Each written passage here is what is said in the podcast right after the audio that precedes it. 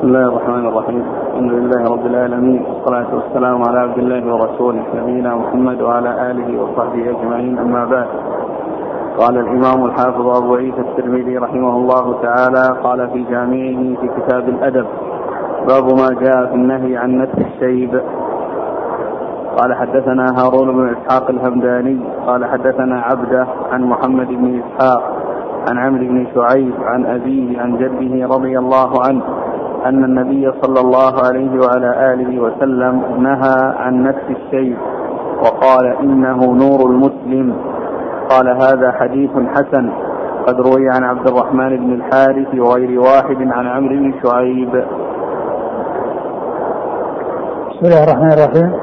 الحمد لله رب العالمين وصلى الله وسلم وبارك على عبده ورسوله نبينا محمد وعلى آله وأصحابه أجمعين. أما بعد يقول الامام ابو عيسى الترمذي رحمه الله في جامع باب في النهي عن نفس الشيء. المقصود من ذلك أن الإنسان إذا كان شابا ثم بدأه الشيب وصار فيه شعرات فإنه لا ينسف هذه الشعرات البيض التي ظهرت له حتى يبقى شعر لونه لون شعره أسود ليس فيه شيء أبيض وذلك لإزالة هذه الشعرات الطارئة التي حصلت له بل يبقيها وهي علامة خير للإنسان كما جاء في هذا الحديث عن النبي صلى الله عليه وسلم أنه قال عن نهى عن نتف الشيب وقال إنه نور المسلم وهو يدل على عدم جواز التعرض لشعر الشيب بنتفه ولكنه آه، آه، إذا إذا وجد الشيب فإنه يغير بغير السواد يغير الشيب بغير السواد. أما أن ينفخ الشعر الأبيض فإن النهي جاء في ذلك عن رسول الله صلى الله عليه وسلم. نعم. وقال إنه نور المسلم نعم.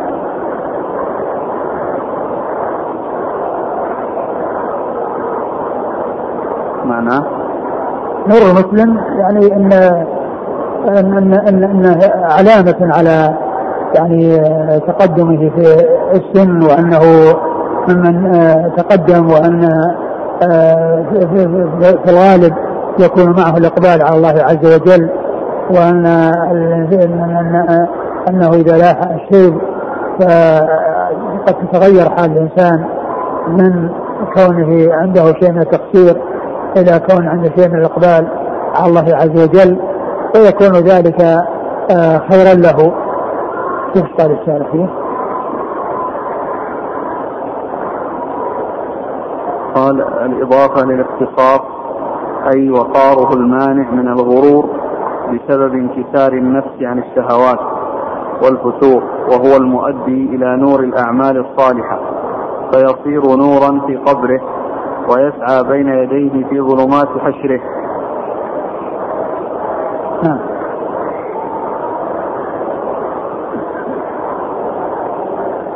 قال حدثنا هارون بن إسحاق الحمداني. هو؟ صدوق البخاري القراءة والترمذي والنسائي بن ماجه. نعم عن عبده. عبده بن سليمان ثقة أخرج أصحاب كتب الستة. عن محمد بن إسحاق. وهو صدوق. أخرجه البخاري تعليقا ومسلم وأصحاب السنن عن عمرو بن شعيب وهو صدوق أخرجه البخاري في جزء القراءة وأصحاب السنن عن أبيه وأبوه شعيب بن محمد صدوق أخرجه البخاري في المفرد وجزء القراءة وأصحاب السنن عن جده. نعم. عن جده. جده عبد الله بن عمرو العاص رضي الله تعالى عنهما أخرج حديثه أصحابه في الستة. وفيه محمد بن إسحاق وهو مدلس ولكنه تابع كما ذكر ذلك المصنف قال رواه عبد الرحمن بن الحارث وغير واحد من عمرو بن سعيد. رواه عبد الرحمن. الحارث وغير واحد من عمرو بن سعيد. يعني فيكون آه هذا الذي هو مدلس وقد روى بالعنعنة تبع على ذلك. وعبد الرحمن بن الحارث هو صديق. له أوهام البخاري البخاري بن المفرد وأصحاب السنن. نعم.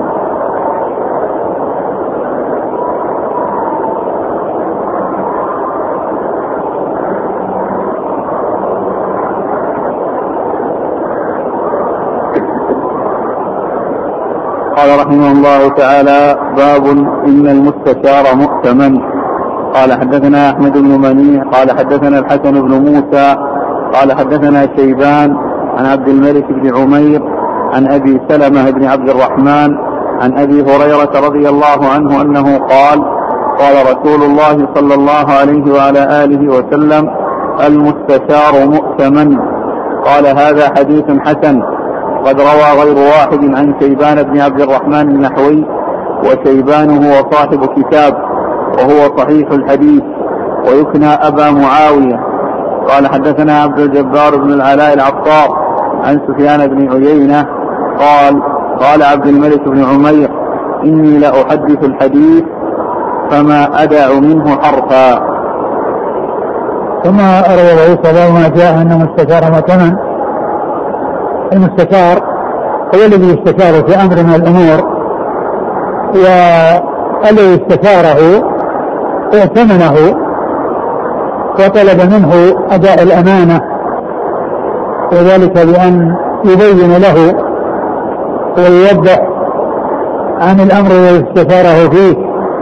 فإذا كان استشاره في الإنسان من أجل أن يصاهره أو يشاركه في تجارة أو غير ذلك من الأمور التي يحتاج إلى معرفة حال الرجل فيها فإن عليه أن يبين له ما يعرف عنه ولا يخفي عنه أشياء غير طيبة كان يعلمها المستشار بل عليه أن يبين ما يعلمه عنه لأن لأن الذي استشاره ويتمنه وطلب منه أن يبين له ما يكون سببا في إقدامه أو سببا في إحجامه بأن يقدم على هذا الذي يستشير عنه أو يحجم عنه بحيث لا يتورط معه بأن يدخل معه في أمر من الأمور وهو متصف بصفات سيئة كما كان يعلمها ولكن ذلك المستشار على علم بها فإن الأمانة تقتضي أن يبين وأن لا يخفي لأنه مؤتمن كما قال ذلك رسول الله صلى الله عليه وسلم في هذا الحديث عن أبي هريرة قال قال رسول الله صلى الله عليه وسلم المستشار مؤتمن. أي أن الذي استشاره ائتمنه وطلب منه أن يبين له ما يتعلق بالذي استشاره فيه حتى يقدم على بينة أو يحجم على بينة. نعم. قال حدثنا أحمد بن منيع ثقة أخرج أصحاب في الستة عن الحسن بن موسى. آه ابن أشيب وهو ثقة أخرج أصحاب الكتب. نعم. عن شيبان. شيبان ابن عبد الرحمن النحوي ثقة أخرج أصحاب الكتب الستة عن عبد الملك بن عمير. وهو ثقة أخرج أصحاب الكتب. نعم. عن أبي سلمة بن عبد الرحمن. أبو سلمة بن عبد الرحمن بن عوف ثقة أخرج أصحاب الكتب الستة. عن أبي هريرة. وأبي هريرة رضي الله عنه وأكثر الصحابة حديثا.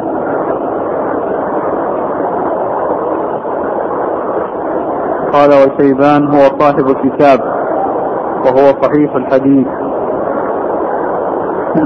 ويكنى أبا معاوية. قال حدثنا عبد الجبار بن العلاء العطار.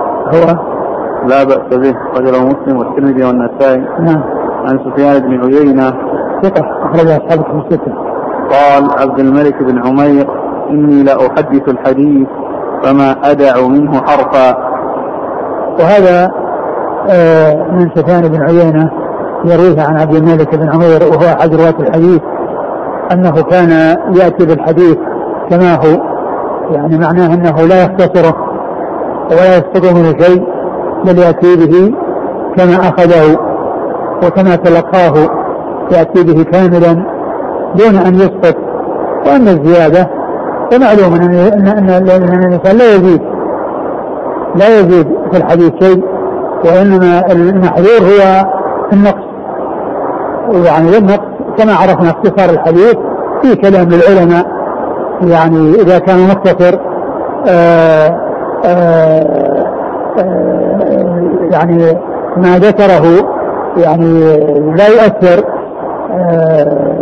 يعني اختصاره بأن يكون مشتمل على جمل كل جملة مستقلة ولا يكون إذا حدث شيئا يكون متعلقا بشيء لم يحدثه يعني يحتاج إليه فإن الشيء الذي يختصر يعني يكون يأتي بالفائدة دون أن يكون آه، متعلقا بشيء آه، آه، لم يأتي به فيكون الكلام ناقصا واختصار الحديث يعني كما هو معلوم جائز وسائر وبعض العلماء يفعله منهم البخاري رحمه الله فإنه كان يقطع الحديث على الأبواب فيأتي للحديث في أماكن متفرقة يذكر في كل موضع القطعة التي تناسبه وأما الزيادة فمعلوم أنه لا يزاد في الحديث.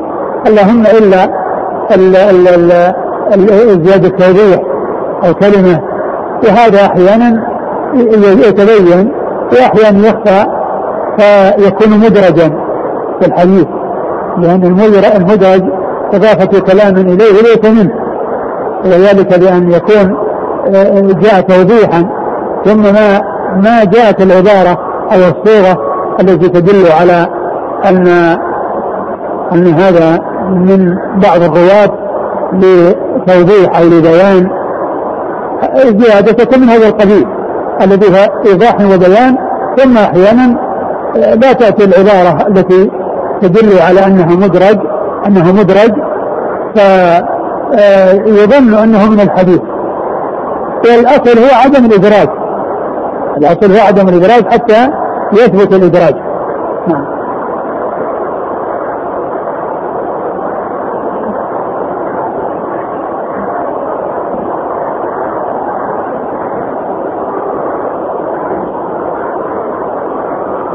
قال حدثنا أبو كريب قال وهذا يبين لنا يعني مثل هذا الإسناد مثل يعني ما تقدم كثيرا. عناية المحدثين بالأخبار مطلقة بأسانيدها. مطلقة يعتنون بها بأسانيدها. حتى لو كان كلام يتعلق بشخص أو يتكلم في توثيقه أو يتكلم في ضبطه أو يتكلم في تضعيفه وما إلى ذلك يذكرونها بالأسانيد نعم قال حدثنا أبو كريب قال حدثنا وكيع عن داود بن أبي عبد الله عن ابن جدعان عن جدته عن أم سلمة رضي الله عنها أنها قالت قال رسول الله صلى الله عليه وعلى آله وسلم المستشار مؤتمن. قال وفي الباب عن ابن مسعود وأبي هريرة وابن عمر رضي الله عنهم. قال أبو عيسى هذا حديث غريب من حديث أم سلمة. ثم أورد أبو عيسى حديث أم سلمة. نسخة الشارح فيها تقديم حديث مسلمة على حديث أبي هريرة. وهو الذي يناسب قوله في الباب عن أبي هريرة. لأنه ذكر الحديث الأول ثم قال وفي الباب عن فلان وفلان وفيهم أبي هريرة. ف حديث أبي هريرة ذكره المصنف. ولكن يعني يبدو أن الترتيب عند المصنف هو البدء بحديث مسلمة. لأنه كما هي عادته. يعني يذكر يذكر ال وفي الباب عن فلان وفلان. يعني فلان وفلان وفيهم يعني من يكون أورده في نفس الباب. يكون أورده في نفس الباب. الحاصل نسخة الشارع فيها تقديم حديث سلمة على أبي هريرة. نعم. والحديث مثل حديث أبي هريرة. حديث سلمة هو حديث أبي هريرة تماما. المستشار مؤتمن. وفي اسناده ضعف ولكن الحديث الذي هو حديث أبي هريرة حديث حسن وهو ثابت. فيكون أيضا يعني هذا الذي جاء من الضعف في حديث آه، أم سلمة آه، يشهد له حديث أبي هريرة. فيكون الحديث أو متنه صحيحا ثابتا بسبب وجود ما يشهد له أي لحديث أم سلمة الذي في إسناده ضعف من حديث أبي هريرة الذي هو مستقيم وسليم من الضعف. قال حدثنا أبو كريب. ومحمد بن العلاء بن كريب ثقة أخرج له أصحاب كتب الستة. عن وكيع. وفيه بالجراح الرؤاسي الكوفي ثقة أخرج أصحاب الكتب الستة. عن داوود بن أبي عبد الله. وهو مقبول وله البخاري المفرد والترمذي. نعم. عن ابن جدعان عن ابن جدعان هو عبد الرحمن بن محمد بن زيد بن جدعان وهو وثقه النسائي نعم. البخاري المفرد والترمذي نعم عن جدته وهي مجهولة أخرج لها البخاري المفرد والترمذي نعم عن أم سلمة عن أم سلمة ام المؤمنين هند بنت أبي أمية رضي الله عنها وحديثها أخرجه أصحاب الكتب الستة. قال وفي الباب عن ابن مسعود وأبي هريرة وابن عمر. مسعود عبد الله بن مسعود الهذلي رضي الله عنه أخرجه اصحاب الكتب الستة. وابن عمر آه عبد الله بن عمر رضي الله عنهما وهو من أكثر الصحابة حديثا.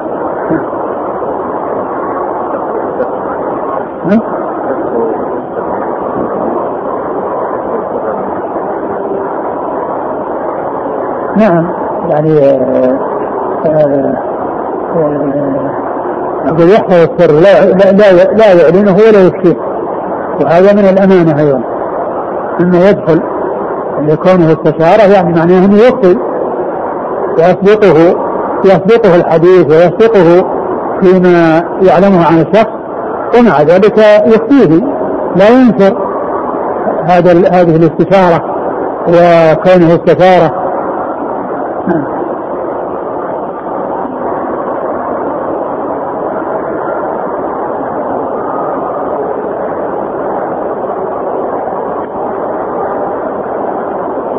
قال رحمه الله تعالى باب ما جاء في الشؤم.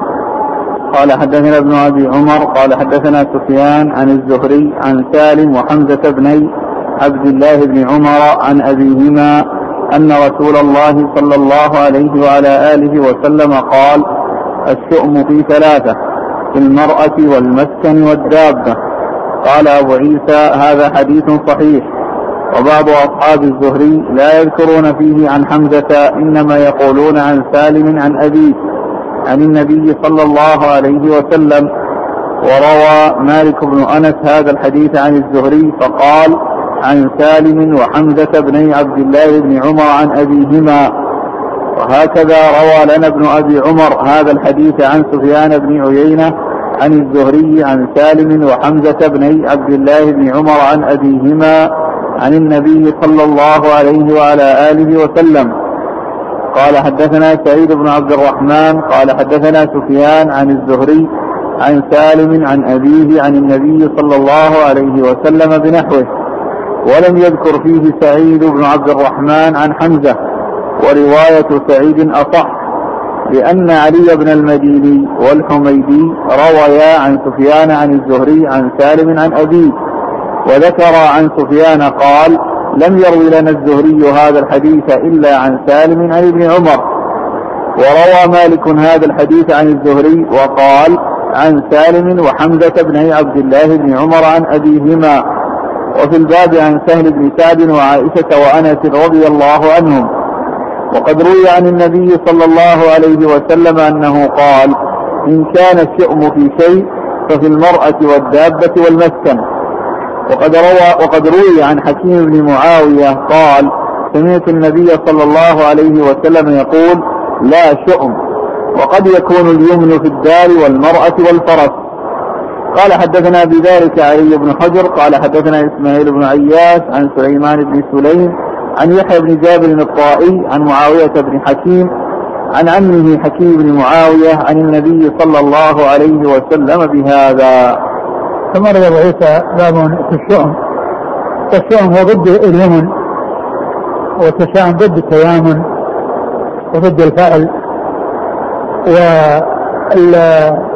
وكل شيء بقدر الله بقضاء الله وقدره سواء كان خيرا أو شرا. ما شاء الله كان وما لم يشاء لم يكن. وقد جاءت الأحاديث في ذكر الشؤم في ثلاث في البيت والمرأة والدابة. وجاء في بعضها كما هنا الشؤم وفي بعضها إن كان الشؤم وفي بعضها لا شؤم. و والروايات التي فيها إن كان الشؤم ففي ثلاث هي الأرجح من غيرها. ومعنى ذلك أنه إذا إذا كان الشؤم أو إن حصل أو أو فرض أنه يحصل فإنه يكون في هذه الأمور. وهذه الأمور لكونها ملازمة للإنسان. ما هو شيء طارئ وينتهي وإنما هو شيء ملازم.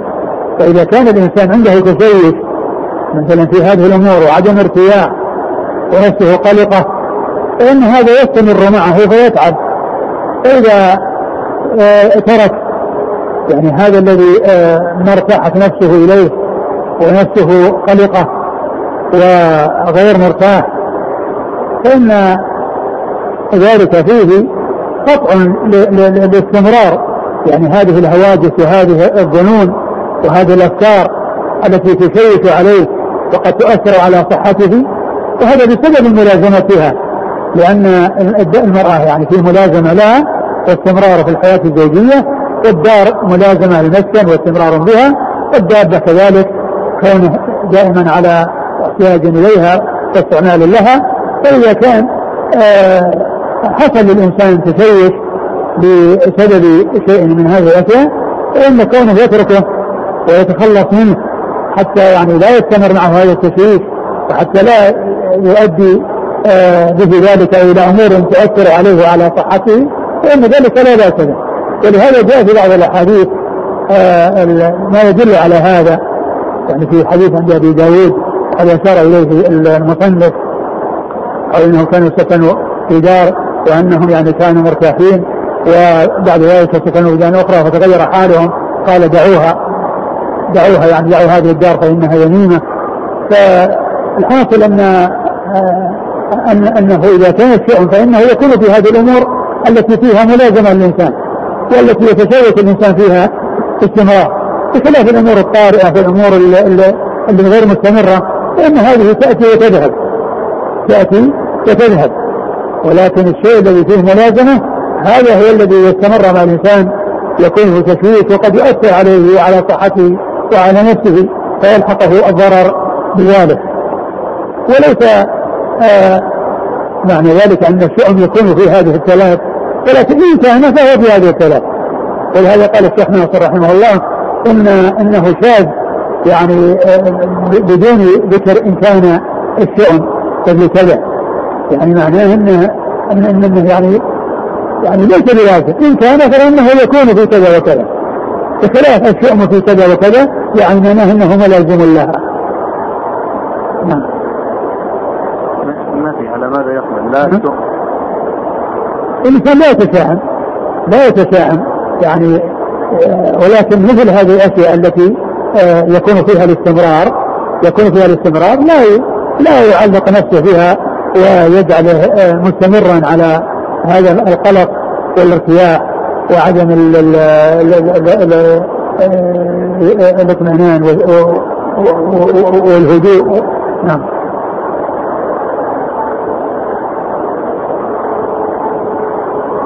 قال الشؤم في ثلاثة في المرأة والمسكن والدابة. الدابة المركوب الذي ملازم للإنسان يعني يركبه دائما وأبدا لأنه مركوبه نعم. قال حدثنا ابن أبي عمر. هو العدني وهو صديق أخرجه مسلم والثاني والنسائي بن ماجه عن سفيان. هو بن عيينة ثقة أخرج أصحابه في الستة. عن الزهري. محمد بن مسلم بن عبد الله بن شهاب ثقة أخرج أصحابه في الستة عن سالم وحمزة سالم وحمزة بن عبد الله بن عمر كل منهما ثقة وأخرج لهما أصحاب الكتب الستة. عن أبيهما. نعم. قال وبعض أصحاب الزهري لا يذكرون فيه عن حمزة إنما يقولون عن سالم عن أبيه. يعني أن بعض أصحاب الزهري ما يذكرون حمزة وبعضهم يذكرون حمزة وسالم يعني معناه أن فيهم من يذكر سالم وحمزة وفيهم من يقتصر على سالم ومصنف والترمذي رحمه الله ذكر يعني يعني جماعة من من من العلماء الذين ذكروا آه، حمزة مع سالم ومنهم الإمام مالك. نعم. وروى مالك بن أنس هذا الحديث عن الزهري فقال عن سالم وحمزة. نعم. مالك إمام دار الهجرة من حديث الفقيه أخرج حديث أصحاب الستة قال حدثنا سعيد بن عبد الرحمن. سعيد بن عبد الرحمن المخزومي ثقة أخرج أصحاب في الستة أخرج له. الترمذي والنسائي. نعم. عن سفيان عن الزهري عن سالم عن أبيه. نعم. ولم يذكر فيه سعيد بن عبد الرحمن عن حمزة. ورواية سعيد أصح. لأن علي بن المديني والحميدي رويا عن سفيان عن الزهري عن سالم عن أبيه. علي بن المديني ثقة. أخرج له ال- أخرج له مسلم. البخاري وأبو داود. البخاري وأبو داود الترمذي والنسائي وابن ماجه التفسير. والحميدي. الحميدي عبد الله بن الزبير المكي. ثقة أخرج له. البخاري ومسلم في المقدمة وأبو داود والترمذي والنسائي بن ماجه في التفسير. روى عن سفيان عن الزهري عن سالم عن أبيه وذكر عن سفيان قال لم يروي لنا الزهري هذا الحديث إلا عن سالم عن ابن عمر. نعم. قال وفي الباب عن سهل بن سعد. سهل بن سعد الساعدي رضي الله عنه أخرج أصحاب في الستة. وعائشة وأنس نعم. وقد روي عن النبي صلى الله عليه وسلم أنه قال إن كان الشؤم في شيء ففي المرأة والدابة والمسكن. نعم. قال وقد روي عن حكيم بن معاوية قال سمعت النبي صلى الله عليه وسلم يقول لا شؤم. وقد يكون اليمن في الدار والمرأة والفرس. حدثنا بذلك علي بن حجر. يعني كما أنه يعني يكون قد يكون الشوم قد يكون اليمن أيضا. حدثنا بذلك إيش؟ علي بن حجر. علي بن حجر بن إياس ثقة أخرجه البخاري ومسلم والترمذي والنسائي. عن إسماعيل بن عياش. إسماعيل بن عياش وهو آه، صدوق في رواية عن الشاميين. نعم. ومخلق في غيرهم وهذا من رواية عن الشاميين. أخرج له. البخاري رفع اليدين وأصحاب السنن. نعم. عن سليمان بن سليم وهو ثقة أخرج أصحاب السنن. نعم. عن يحيى بن جابر الطائي هو ثقة أخرج البخاري في المفرد ومسلم وأصحاب السنن. نعم. عن معاوية بن حكيم وهو مقبول أخرج له الترمذي نعم. عن عمه حكيم بن معاوية. ومختلف في صحبته أخرج له. قال الحافظ والصواب أنه تابعي أخرجه الترمذي وابن ماجه. نعم. وجاء من طريق أخرى. يعني عن عن عن صحابي أو ذكر الصحابي ال- ما في الشارع لأن اسمه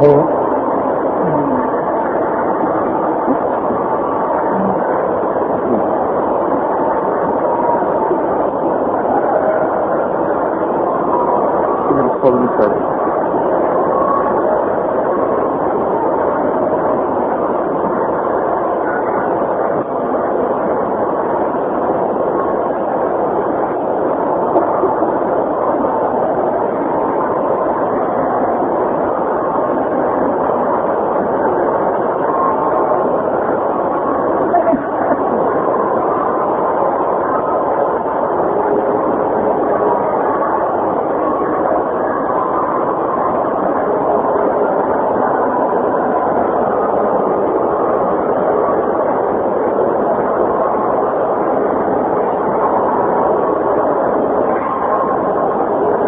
بعد نعم.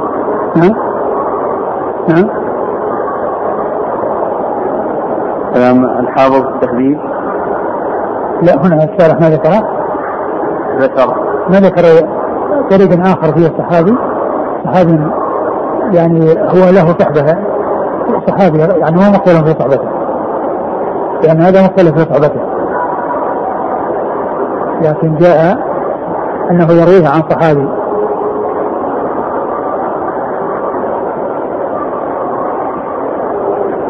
هو نفس معاوية حكيم معاوية؟ لا لا اسم آخر غريب يعني كذا. يعني ما أدري ما إذا كان هذا لعله الشيخ ناصر ذكر فيه الشيخ ناصر عزائي الأول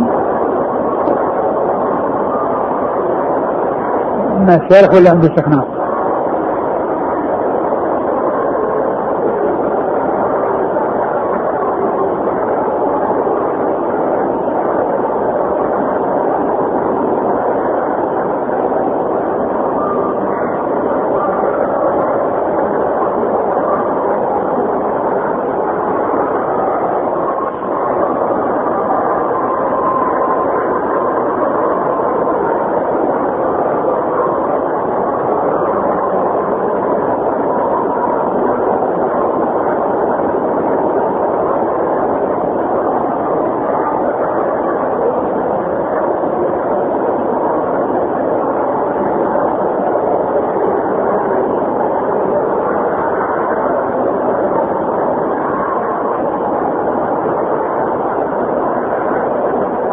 عند الشارح شيء وذكر أنه هناك من قال عن يعني يروي حكيم معاوية عن أبيه. عن معاوية؟ عن حكيم معاوية. لا لا غير حكيم. حكيم هذا هو. يقول حكيم هذا الذي مختلف في صحبته. والحافظ قال إنه تابعي لكن في واحد في طريقة أخرى لعل هي تنهي عند الشارح لأنها عند الشيخ ناصر. يعني اسم كذا غريب يعني ما هو الأسماء المشهورة الواضحة.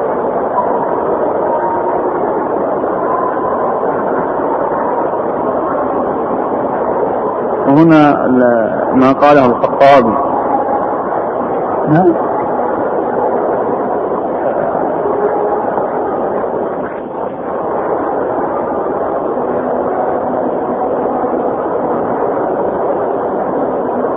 أنه بمعنى الاستثناء من الطيرة أي لا طيرة منهي عنها إلا أن إلا أن تكون في ثلاث.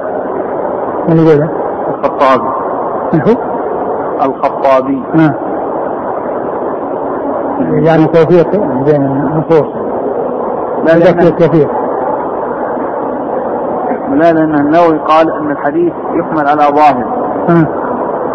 قالت قال مالك وطائفة هو على ظاهره وأن الدار قد يجعل الله تعالى سكناها سببا للضرر أو الهلاك نعم. وكذا اتخاذ المرأة المعينة أو الفرس أو الخادم قد يحصل الهلاك عنده بقضاء الله تعالى ومعناه قد يحصل الشؤم في هذه الثلاث كما في الرواية إن يكن الشؤم في شيء نعم.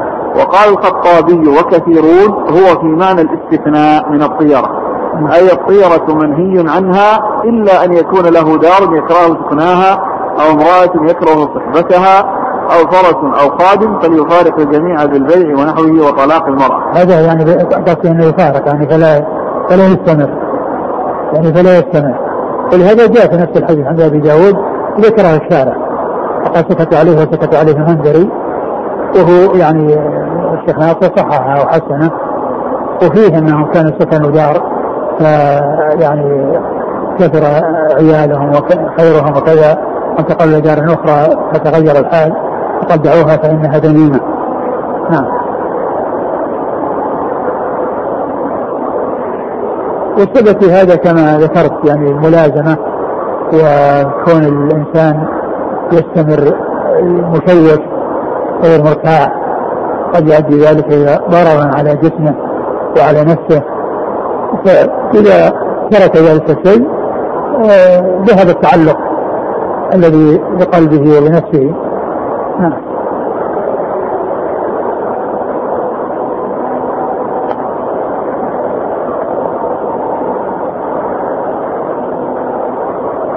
يقول مثل في تخصيص المرأة لماذا لم يذكر الرجل كذلك قد يكون شؤما على المرأة. المرأة كما هو معلوم يعني الطلاق بيد الرجل هو الذي يستطيع يتخلص اما المرأة ما تستطيع تتخلص اللهم إلا عن طريق الفسخ أو محاولة الفسخ. نعم. ما الفرق بين الشؤم والتطير؟ الشؤم هو معنى التطير. عندما يجد الرجل التطير يعني إنه هو هو, تشاؤم ولكن منسوب إلى الطيور إلى التشاؤم بالطيور يعني من ناحية الطيران آه، يمين أو شمال. ومعلوم أن هذا من الأمور الطارئة يعني الطيور وحركة الطيور. لكن بخلاف الزوجة والجار هذا شيء ملازم للإنسان إذا إذا ما حصل عنده ارتياح وصار عنده تشوش يعني يتعلق قلبه ويتأثر ويكون مشغول بالفكر دائما بهذه الدار وعدم ارتياح فيها. فالاستمرار يؤدي إلى ضرر على الإنسان في في جسمه وفي نفسه وفي عقله. نعم. يقول عندما يجد الرجل بعد زواجه مشاكل هل له أن يقول ما ربحت من هذه الزوجة وهل يدخل هذا في الشؤم أو التطير؟ كما هو معلوم أن الزواج آه، يحصل معه ارتياح ويحصل معه عدم ارتياح لكن قد يكون قد تكون المرأة آه، آه، ما عندها يعني شيء ينكره الرجل عليها ولكنها غير مرتاح يعني نفس مشوشة وإن كان هي أخلاقها كريمة لأن المرأة إذا كان عندها أخلاق. يعني يكون التأثر من من أخلاقها ومن صفاتها الذميمة لكن قد تكون المرأة ما عندها شيء ولكنه غير متاح فيحصل له التشوش. فهذا هو الذي يكون في إمكان الشؤم. وأما إذا كانت المرأة آه، عندها شراسة أخلاق وعندها كذا هذا هذا شيء آخر. ما له علاقة في آه، التشاؤم. يقول إذا كان الشخص مقدما على شيء ثم تركه لخوف الأذى والضرر منه فهل يدخل في التشاؤم؟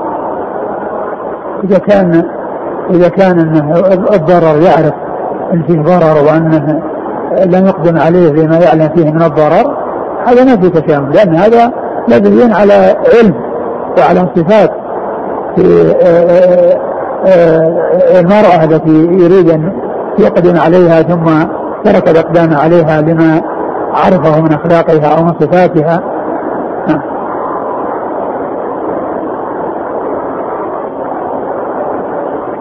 قال رحمه الله تعالى باب ما جاء لا يتناجى اثنان دون ثالث.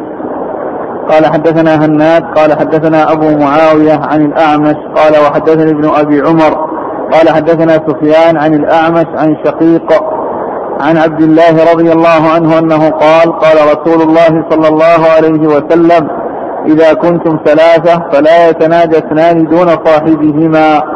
وقال سفيان في حديثه لا يتناجى اثنان دون الثالث فإن ذلك يحزنه. قال أبو عيسى هذا حديث صحيح. وقد روي عن النبي صلى الله عليه وسلم أنه قال لا يتناجى اثنان دون واحد فإن ذلك يؤذي المؤمن. والله عز وجل يكره أذى المؤمن قال وفي الباب عن ابن عمر وأبي هريرة وابن عباس رضي الله عنهم. ثم عيسى باب لا دون الثالث.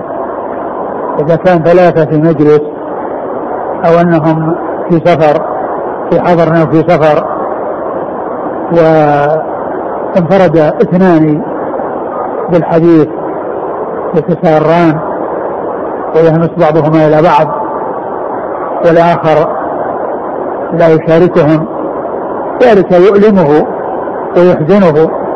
والرسول صلى الله عليه وسلم نهى عن ذلك لما يترتب عليه من التأثر ومن الحزن والأذى الذي يحصل لنفس الثالث الذي ما أشركوه معهم. أما إذا كان معه غيره ممن يمكن أن يقوم ويجلس بجانبه ويتحدث معه فإن هذا لا إشكال فيه ولا مانع. وإنما الكلام فيما إذا كانوا ثلاثة واثنان انفردا بالحديث عن الآخر. أما لو كانوا أربعة ثم اثنان انفردا يتحدثان ما في لأنه ليس ليس واحدا الذي حصل آه، آه، تركه وعدم إشراكه. فيه آخر. يمكن أن يكون هذا يذهب إلى بجوار هذا ويتحدثان فيما بينهما فلا فلا يكون في ذلك الإشكال وكذلك لو كان الخامس أربعة ثم ثلاثة انفردوا وتركوا الرابع. فإن ذلك مثل الاثنين مع الثالث. مثل الاثنين مع الثالث لأن ذلك يحزنه. فجاء آه، في هذا الحديث عن رسول الله صلى الله عليه وسلم ذات اثنان دون الثالث. وذلك أنه يحزنه أو يحزنه ويؤذيه فهذا من الآداب العظيمة والأخلاق الكريمة التي جاء بها الإسلام والتي فيها صفاء القلوب وسلامتها وعدم آه، آه، دخول يتأثر آه، على بعض المتجالسين على من يجالسهم حيث ينفرد بعضهم بالحديث عن بعض. وحيث لا يكون الذي المشركوه ليس له أحد يمكن أن يستأنس معه فإنهم يتركون هذا التناجي إلى وقت آخر. يتركون هذا التناجي إلى وقت آخر. أو يستأذنوه وحتى الاستئذان قد يكون يوافق الإنسان وهو غير مرتاح لكن إذا حصل الاستئذان يكون الأمر أهون. نعم.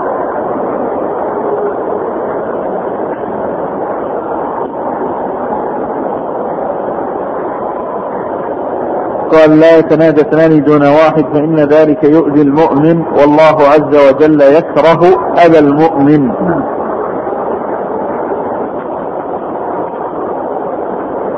قال حدثنا هناد هناد بن السري ثقة أخرجه البخاري في خلق العباد ومسلم وأصحاب السنة. عن أبي معاوية وهو محمد بن خازم الضرير الكوفي ثقة أخرجه أصحاب في الستة. عن الأعمش سليمان المهران الكاهلي الكوفي ثقة أخرج أصحابه في الستة. قال وحدثني ابن أبي عمر عن سفيان عن الأعمش عن شقيق شقيق بن سلمة أبو وائل وهو ثقة مخضرم أخرج حديثه أصحابه في الستة. عن عبد الله عبد الله بن مسعود الهذلي رضي الله عنه أخرج حديثه أصحابه في الستة. قال وفي الباب عن ابن عمر وأبي هريرة وابن عباس نعم.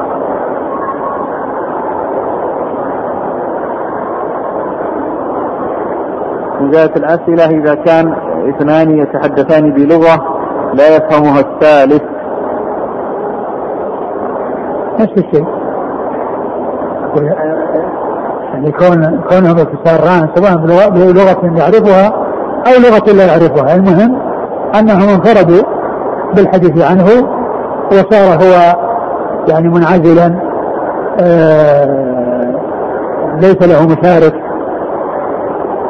أما إذا كان يعني هم يعني ما يعني ما عندهم لغة ما عندهم لغته.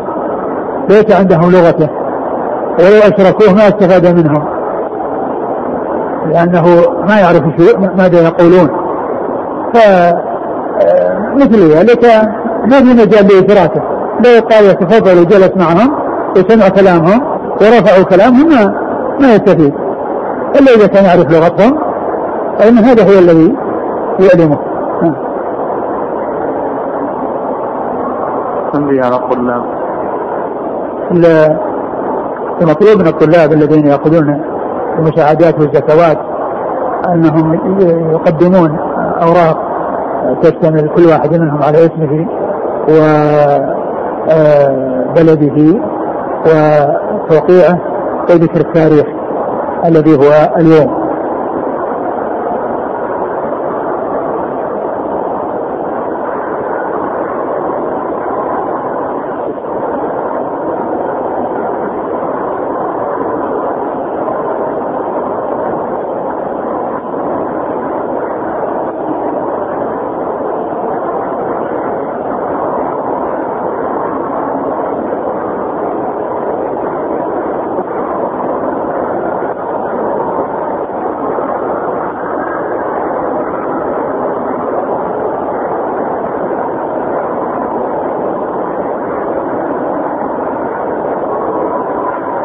رحمه الله تعالى باب ما جاء في العدة قال حدثنا واصل بن عبد الأعلى الكوفي قال حدثنا محمد بن فضيل عن إسماعيل بن أبي خالد عن أبي جحيفة رضي الله عنه أنه قال رأيت رسول الله صلى الله عليه وسلم أبيض قد شاب وكان الحسن بن علي يشبهه وأمر لنا بثلاثة, بثلاثة عشر قلوصا فذهبنا نقبضها فأتانا موته فلم يعطونا شيئا.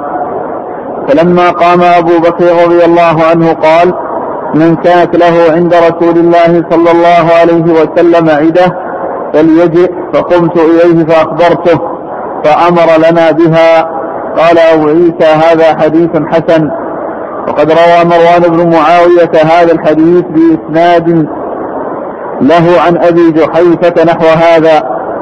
وقد روى غير واحد عن إسماعيل بن أبي خالد عن أبي جحيفة قال رأيت النبي صلى الله عليه وسلم وكان الحسن بن علي يشبهه ولم يزيدوا على هذا. ثم أبو عيسى باب في العدة وهي الوعد الذي يحصل للغير فيوفى به. وأورد أبو عيسى حديث أبي جحيفة رضي الله عنه أن النبي صلى الله عليه وسلم آه، أنهم طلبوا من النبي صلى الله عليه وسلم آه، مساعدتهم فأمرهم بثلاثة عشر قلوصا وهي الشابة من الإبل. ف فيزر صلى الله عليه وسلم قبل أن يتسلموها توفي رسول الله قبل أن يتسلموها فلم سلم لهم. ثم إن أبا بكر رضي الله عنه يعني أعلن في الناس وقال من كان له عند رسول الله عدة فليأتي إلينا. يعني من كان الرسول وعده بوعد فليأتي إلينا حتى نفي بوعد رسول الله صلى الله عليه وسلم. وهذا من من من, من, فضل أبي بكر رضي الله عنه. و آه، آه، من فضائله رضي الله عنه كونه آه، قام بعد رسول الله خير قيام. حتى الوعود التي وعد بها الرسول صلى الله عليه وسلم نفذها وسعى إلى تنفيذها وطلب أن من كان له عده فإنه يأتي إليه. وإذا كان هذا فيما يتعلق بالعيدات فغيرها مما هو أهم منها كالديون وما إلى ذلك من باب أولى. فهو دال على فضل أبي بكر ونبله وقيامه في الأمر بعد رسول الله خير قيام وأنه آه، يقوم نيابة عن رسول الله صلى الله عليه وسلم بكل ما كان يقوم به الرسول صلى الله عليه وسلم. فهو خليفته ويؤدي الذي يؤديه الرسول صلى الله عليه وسلم ويأخذ الذي كان يأخذه الرسول صلى الله عليه وسلم. هذا في باب كونه يؤدي. وأما في كونه يأخذ فقصة المرتدين وعزمه على إرجاعهم إلى ما كانوا عليه وكذلك مانع الزكاة وأنهم يكونون على ما كان عليه الرسول صلى الله عليه وسلم وأنهم يدفعون له ما كانوا يدفعونه للرسول صلى الله عليه وسلم حيث قال والله لو منعوني عقالا كانوا يؤدونه إلى رسول الله لقاتلتهم على من على منعه. فهو في في باب الاخذ وفي باب الإعطاء. يعني قام مقام الرسول صلى الله عليه وسلم في باب الأخذ وباب الإعطاء. باب الأخذ في مثل قصة آه، المرتدين وقتال المرتدين ومنع الزكاة. والاعطاء مثل هذه الحديث الذي معنا في قصة آه، الوفاء بوعود الرسول صلى الله عليه وسلم. أبو جحيفة وهب بن عبد الله السوائي رضي الله عنه قال رأيت النبي صلى الله عليه وسلم وقد شاب يعني ظهر عليه الشيب وكان الحسن يشبهه وسألوه وأمر لهم يعني بثلاثة ثلاثة عشر قلوصا. وجاء في بعض الروايات أنه ذكر وصف الرسول صلى الله عليه وسلم وليس فيه ذكر العدة. وليس فيه ذكر العدة. يعني فيكون الحديث روي على الاختصار وعلى التمام. فمر فبعض رواياته التي فيها ذكر الوصف دون العدة وبعض الروايات التي فيها ذكر الوصف والعدة ولا تنافي بينهما. نعم. قال حدثنا واصل بن عبد الأعلى الكوفي. هو ثقة أخرج له. مسلم وأصحاب السنن. نعم. عن محمد بن فضيل. وهو صدوق أخرج أصحاب كتب الستة. عن إسماعيل بن أبي خالد. وهو ثقة أخرج أصحاب كتب الستة. عن أبي جحيفة. أبو جحيفة هو ابن عبد الله السوائي رضي الله عنه أخرج أصحاب كتب الستة. وهذا من الرباعيات لأن بين الترمذي وبين رسول الله صلى الله عليه وسلم أربعة أربعة, أربعة رواة. نعم. قال وقد روى مروان بن معاوية هذا الحديث. وهو ثقة أخرج أصحاب كتب الستة قال حدثنا محمد بن بشار. قال حدثنا يحيى بن سعيد عن إسماعيل بن أبي خالد. قال حدثنا أبو جحيفة رضي الله عنه أنه قال رأيت النبي صلى الله عليه وسلم وكان الحسن بن علي يشبهه. قال أبو عيسى وهكذا روى غير واحد عن إسماعيل بن أبي خالد نحو هذا. وابو جحيفة اسمه وهب السوائي. نعم. قال حدثنا محمد بن بشار الملقب بن دار ثقة أخرج أصحاب أصحاب الكتب الستة. عن يحيى بن سعيد. وقطان ثقة أخرج أصحاب الكتب الستة.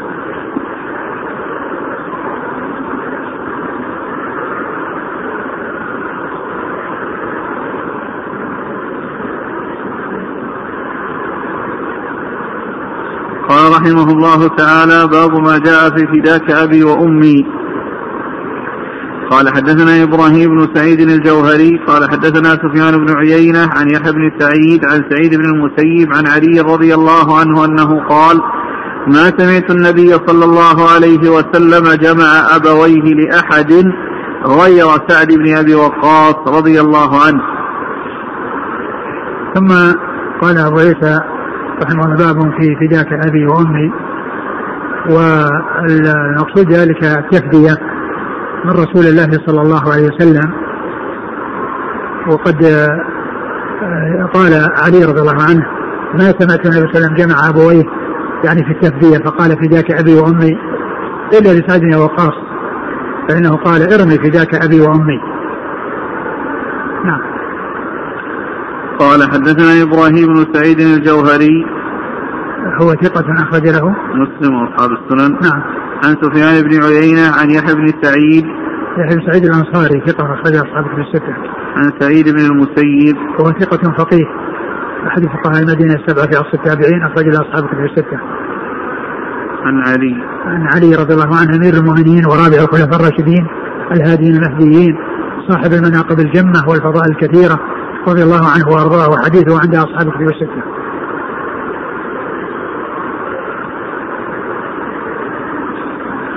قال حدثنا الحسن بن الصباح البزار قال حدثنا سفيان عن ابن جدعان ويحيى بن سعيد أنهما سمعا سعيد بن المسيب يقول قال علي رضي الله عنه ما جمع رسول الله صلى الله عليه وسلم أباه وأمه لأحد إلا لسعد بن أبي وقاص رضي الله عنه. قال له يوم أحد إرمي فداك أبي وأمي. وقال له إرمي أيها الغلام الحزور قال أبو عيسى هذا حديث حسن صحيح. وفي الباب عن الزبير وجابر رضي الله عنهما. وقد روي من غير وجه عن علي. وقد روى غير واحد هذا الحديث عن يحيى بن سعيد عن سعيد بن المسيب عن سعد بن أبي وقاص. قال جمع لي رسول الله صلى الله عليه وسلم أبويه يوم أحد. قال ارم فداك أبي وأمي.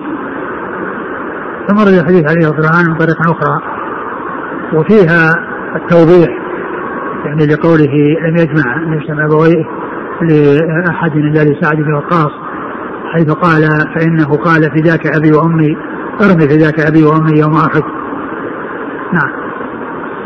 قال حدثنا الحسن بن الصباح البزار. هو؟ صدوق يهم وله البخاري وأبو داود والترمذي والنسائي. نعم. عن سفيان عن ابن جدعان. بن جدعان هو علي بن زيد بن جدعان. وهو صدوق سيء الحفظ. ضعيف. وهو ضعيف أخرج له. صاحب المفرد ومسلم وأصحاب السنة. نعم. معه يحيى. بن سعيد. يحيى بن سعيد الأنصاري. نعم. وفي الباب عن الزبير وجابر. عن الزهري. عن وفي الباب عن الزبير, الزبير وجابر. العوام رضي الله تعالى عنه أخرج أصحابه في الستر. وجابر بن عبد الله الأنصاري أحد السبع المكثرين من حديث رسول الله صلى الله عليه وسلم. قال حدثنا بذلك قتيبة قال حدثنا الليث بن سعد وعبد العزيز بن محمد عن يحيى بن سعيد عن سعيد بن المسيب عن سعد بن أبي وقاص رضي الله عنه قال جمع لي رسول الله صلى الله عليه وسلم أبويه يوم أحد وهذا حديث حسن صحيح. قتيبة قتيبة بن سعيد ثقة أخرج أصحابه في الستة. عن الليث بن سعد. بن سعيد ثقة أخرج أصحابه في الستة. وعبد العزيز بن محمد. بن محمد الدرى ولدي صدوق أخرج أصحابه في الستة. عن يحيى بن سعيد عن سعيد المسيب عن سعد بن أبي وقاص. نعم. سعد بن أبي وقاص رضي الله عنه أخرج أصحابه في الستة. العشرة مبشرون بالجنة كلهم أخرجهم أصحابه في الستة. العشرة الذين بشروا بالجنة من أصحاب الرسول صلى الله عليه وسلم وهو أبو بكر وعمر وعثمان وعلي وطلحة والزبير وسعد وسعيد وأبو عبيدة وعبد الرحمن بن عوف هؤلاء العشرة كلهم أخرج لهم أصحاب الكتب السته.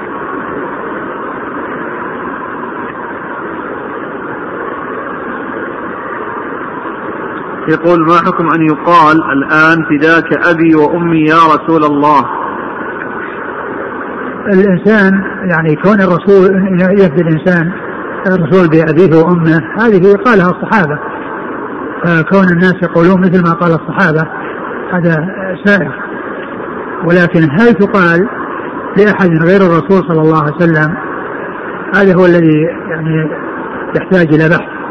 يعني هل هل هل وجد أو أو, أو لم يوجد. أما كون الرسول صلى الله عليه وسلم يقال فداه أبي وأمي هذا كثيرا ما يقع. في الأحاديث آه، بأبي أنت بأبي وأمي أنت يا رسول الله.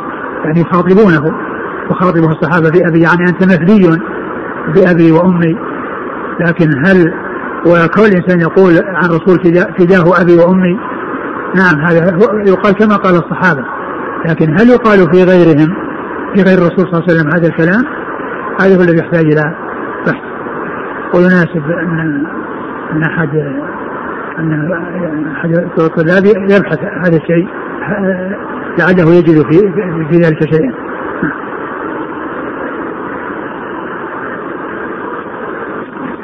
يقول كيف فد النبي صلى الله عليه وسلم سعد مع أن أبويه كافران؟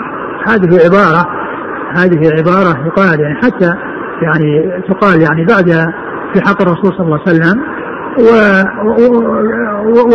والأبوان قد ماتا يعني هذه في رواية فيها تعظيم فيها لفظ فيه تعظيم وفيه توقير وتكريم يعني لمن تقال في حقه.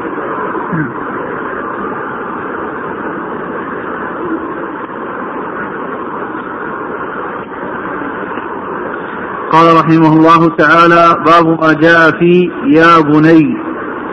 قال حدثنا محمد بن عبد محمد بن عبد الملك بن أبي الشوارب قال حدثنا أبو عوانة قال حدثنا أبو عثمان شيخ له عن أنس رضي الله عنه أن النبي صلى الله عليه وسلم قال له يا بني وفي الباب عن المغيرة وعمر بن أبي سلمة رضي الله عنهم قال أبو عيسى هذا حديث حسن صحيح غريب من هذا الوجه وقد روي من غير هذا الوجه عن أنس وأبو عثمان هذا شيخ ثقة وهو الجعد بن عثمان ويقال ابن دينار وهو بصري وقد روى عنه يونس بن عبيد وغير واحد من الأئمة. ثم قال باب قول يا بني لكل إنسان يقول لغير ولده يا بني فإن هذا من مما جاءت به السنة وهو يعني يدل على العطف والحنان. والرفق في مخاطبة الصغار بحيث يقول الكبير للصغير يا بني كما أنه يقول للكبير يا عم إذا كان أكبر منه يقول له يا عم وإذا كان مثله يقول له أخ. وجاء حديث عديدة في كون قال لأنس يا بني منها هذا الحديث ومنها حديث سبق أنها مرت بنا آه، فيها قول النبي صلى الله عليه وسلم لأنس يا بني. فهذا يدل على أن الكبير يقول للصغير يا بني وإن كان وهو, وهو ليس من أبنائه ولكنه من باب العطف والحنان والرفق والشفقة. وأما القول يا عم فإن الصحابة يقولون يقول بعضهم لبعض كما جاء في الحديث الصحيح عن عبد الرحمن بن عوف رضي الله عنه أنهم لما كان أنهم لما كانوا صفوا في بدر قال عن يميني شاب من الأنصار وعن يساري شاب من الأنصار. ف يعني قال لي أحدهما يا عم أتعرف أبا جهل؟ يا عم أتعرف أبا جهل؟ فقال وماذا تريد منه؟ قال بلغني أنه يسب الرسول صلى الله عليه وسلم.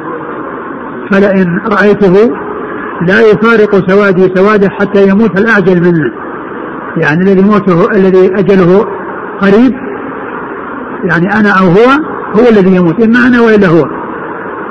فيعني أشار إليه فانطلق أو اثنان انطلقا إليه فقتلاه فالحاصل أنه قال يا عم يعني كل واحد منهما قال له يا عم أتعرف أبا جهل؟ فالكبير يقول للصغير يا بني والكبير والصغير يقول الكبير يا عم. نعم.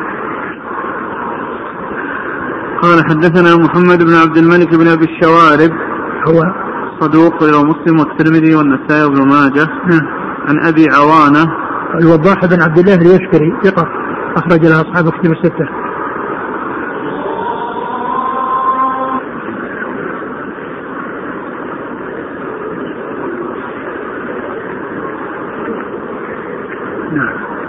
عن أبي عثمان شيخ له. وهو جعد بن عبد الرحمن. جعد بن عثمان وقيل جعد بن دينار. نعم وهو ثقة أخرج له أصحاب الكتب إلا ابن ماجه. نعم. عن أنس. أنس رضي الله عنه خادم الرسول صلى الله عليه وسلم وأحد المكثرين من حديثه. قال وفي الباب عن المغيرة وعمر بن أبي سلمة. المغيرة بن شعبة رضي الله عنه أخرج أصحاب الكتب الستة. وعمر بن أبي سلمة هو ربيب الرسول صلى الله عليه وسلم أخرج له. أصحاب الكتب. نعم. قال رحمه الله تعالى باب ما جاء في تعجيل اسم المولود. والله تعالى أعلم وصلى الله وسلم وبارك على أبي ورسوله نبينا محمد وعلى آله وأصحابه أجمعين. جزاكم الله خيرا. بارك الله فيكم. فهمكم الله الصواب ووفقكم للحق. نفعنا الله بما سمعنا وغفر الله لنا ولكم وللمسلمين أجمعين. آمين. يقول السائل أليس قول النبي صلى الله عليه وسلم لسعد في دليل على جواز هذا الأمر؟ فداك أبي وأمي الشارح يذكر أنه قالها للزبير. الرسول قال هذا يعني لهذا لكن كونها تقال يعني الإنسان يقولها ل يعني أحد من الناس هل يعني وجد استعمالها؟ هذا الذي نبحث عنه. هل وجد استعمالها عن السلف؟ أنهم يقولون في غير الرسول صلى الله عليه وسلم فداك أبي وأمي. معلوم أن الأبوين يعني يعني غاليان ولكنهما دون الرسول صلى الله عليه وسلم لأن محبة الرسول أعظم من محبة الوالدين والناس أجمعين. كما قال صلى الله عليه وسلم لا لا يؤمن أحدكم حتى أكون أحب إليه من والده وولده والناس أجمعين. فكونها تقال يعني وتبتذل وتعطى يعني قد هذا هذا كفي في استهانة في أمر الوالدين.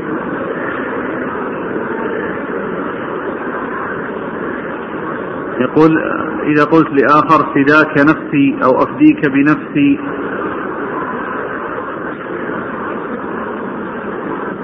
ما أعلم يعني هذا لكن آه، ذكر النفس أهون من من الأب والأم.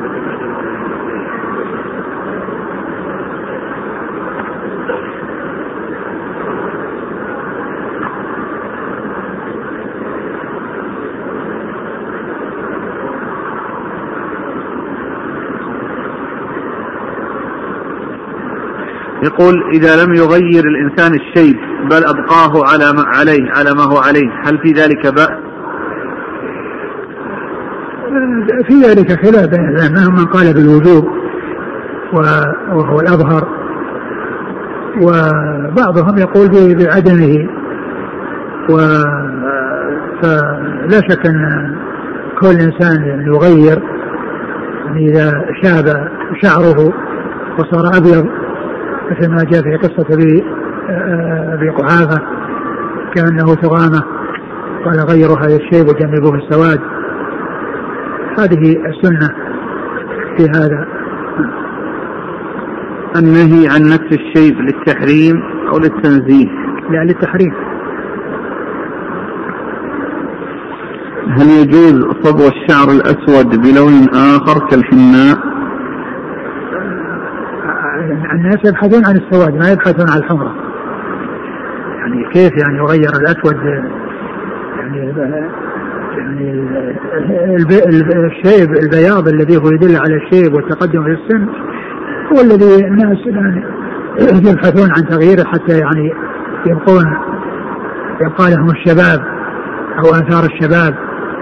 وأما كونهم يغيرون الأسود إلى أحمر من يفعل هذا؟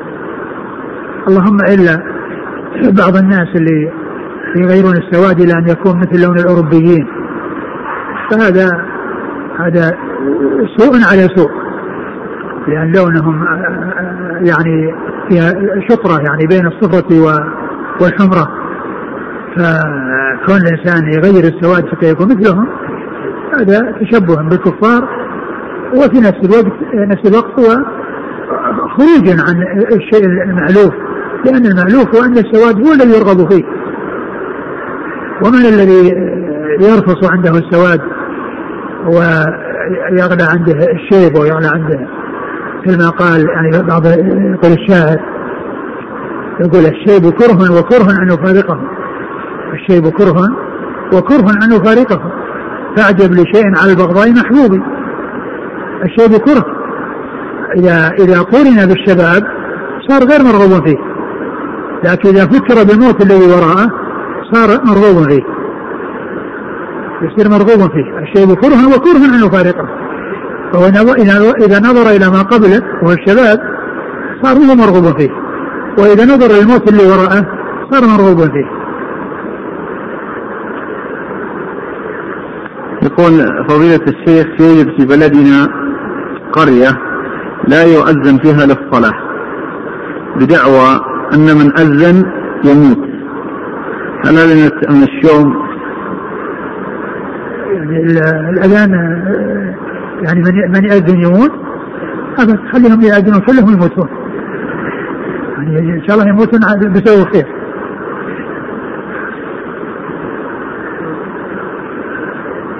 قوله عليه الصلاة والسلام إن كان الشؤم في شيء هل يفهم أن الشؤم غير متحقق ولا موجود؟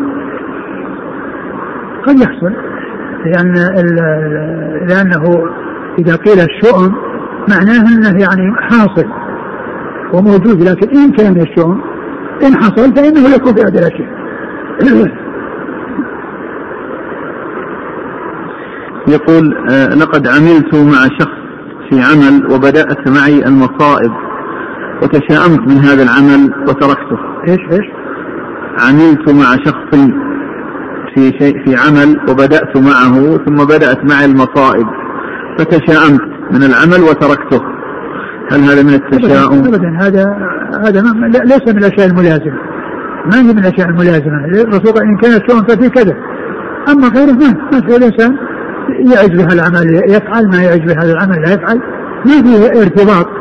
كونك شاركت إنسان أو أو آه، اتفقت مع إنسان على مشاركة أو على يعني عمل من الأعمال. هذا آه، الأمر فيه واسع. لك أن تستمر ولك أن تبقى. لكن الشؤم لا تتشائم لا تتشائم وأنت آه، أنت بالخيار. وهذا ليس من الأشياء التي يكون فيها الملازمة التي جاءت في الحديث إن كان الشؤم ففي ثلاث. هذا أنت في سعة. سواء ارتحت أو ما ارتحت. لك أن تقدم على الاستمرار برغبتك ولك أن تترك الاستمرار برغبتك يقول حفظك الله هل يجوز أن يتلفظ الإنسان بقوله أنا أتشاءم من كذا أتشاءم من لقاء فلان أو أتشاءم من المحل الفلاني؟ لا ما يصلح. لا يصح أن الإنسان يقول هذا الكلام هذا. الإنسان لا لا يجعل الشؤم على على لسانه والتشاؤم على لسانه أو التشاؤم أمامه. وإنما يتوكل على الله عز وجل ولا يعلق نفسه بالتشاؤم. إذا قال الصغير يا أبي بغير أبيه هل ينكر عليه؟ لا ما ينكر عليه. مثل ما يقال يا بني مثل ما يقال يا بني وقال يا أبي أو يعني يا أمي الكبيرة يا أمي ما في بس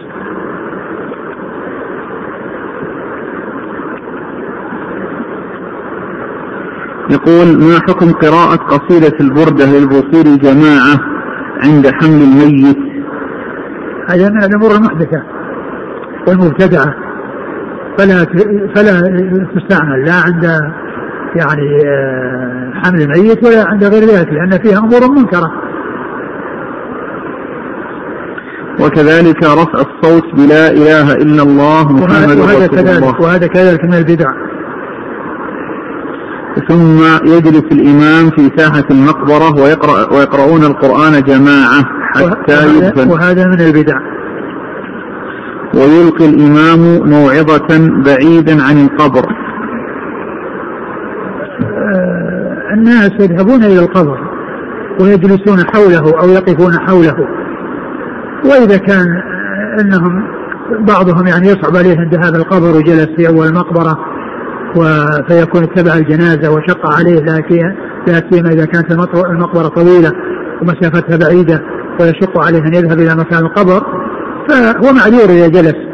لكن الموعظة الرسول ما كان من عادته أن يعظ الناس إلا أنه ثبت أنه في مرة من المرات كان القبر يلحد ما استكمل آه، حفرة فجلسوا في انتظار. الرسول صلى الله عليه وسلم تكلم في هذه المناسبة التي جلسوا فيها ينتظرون انتهاء القبر.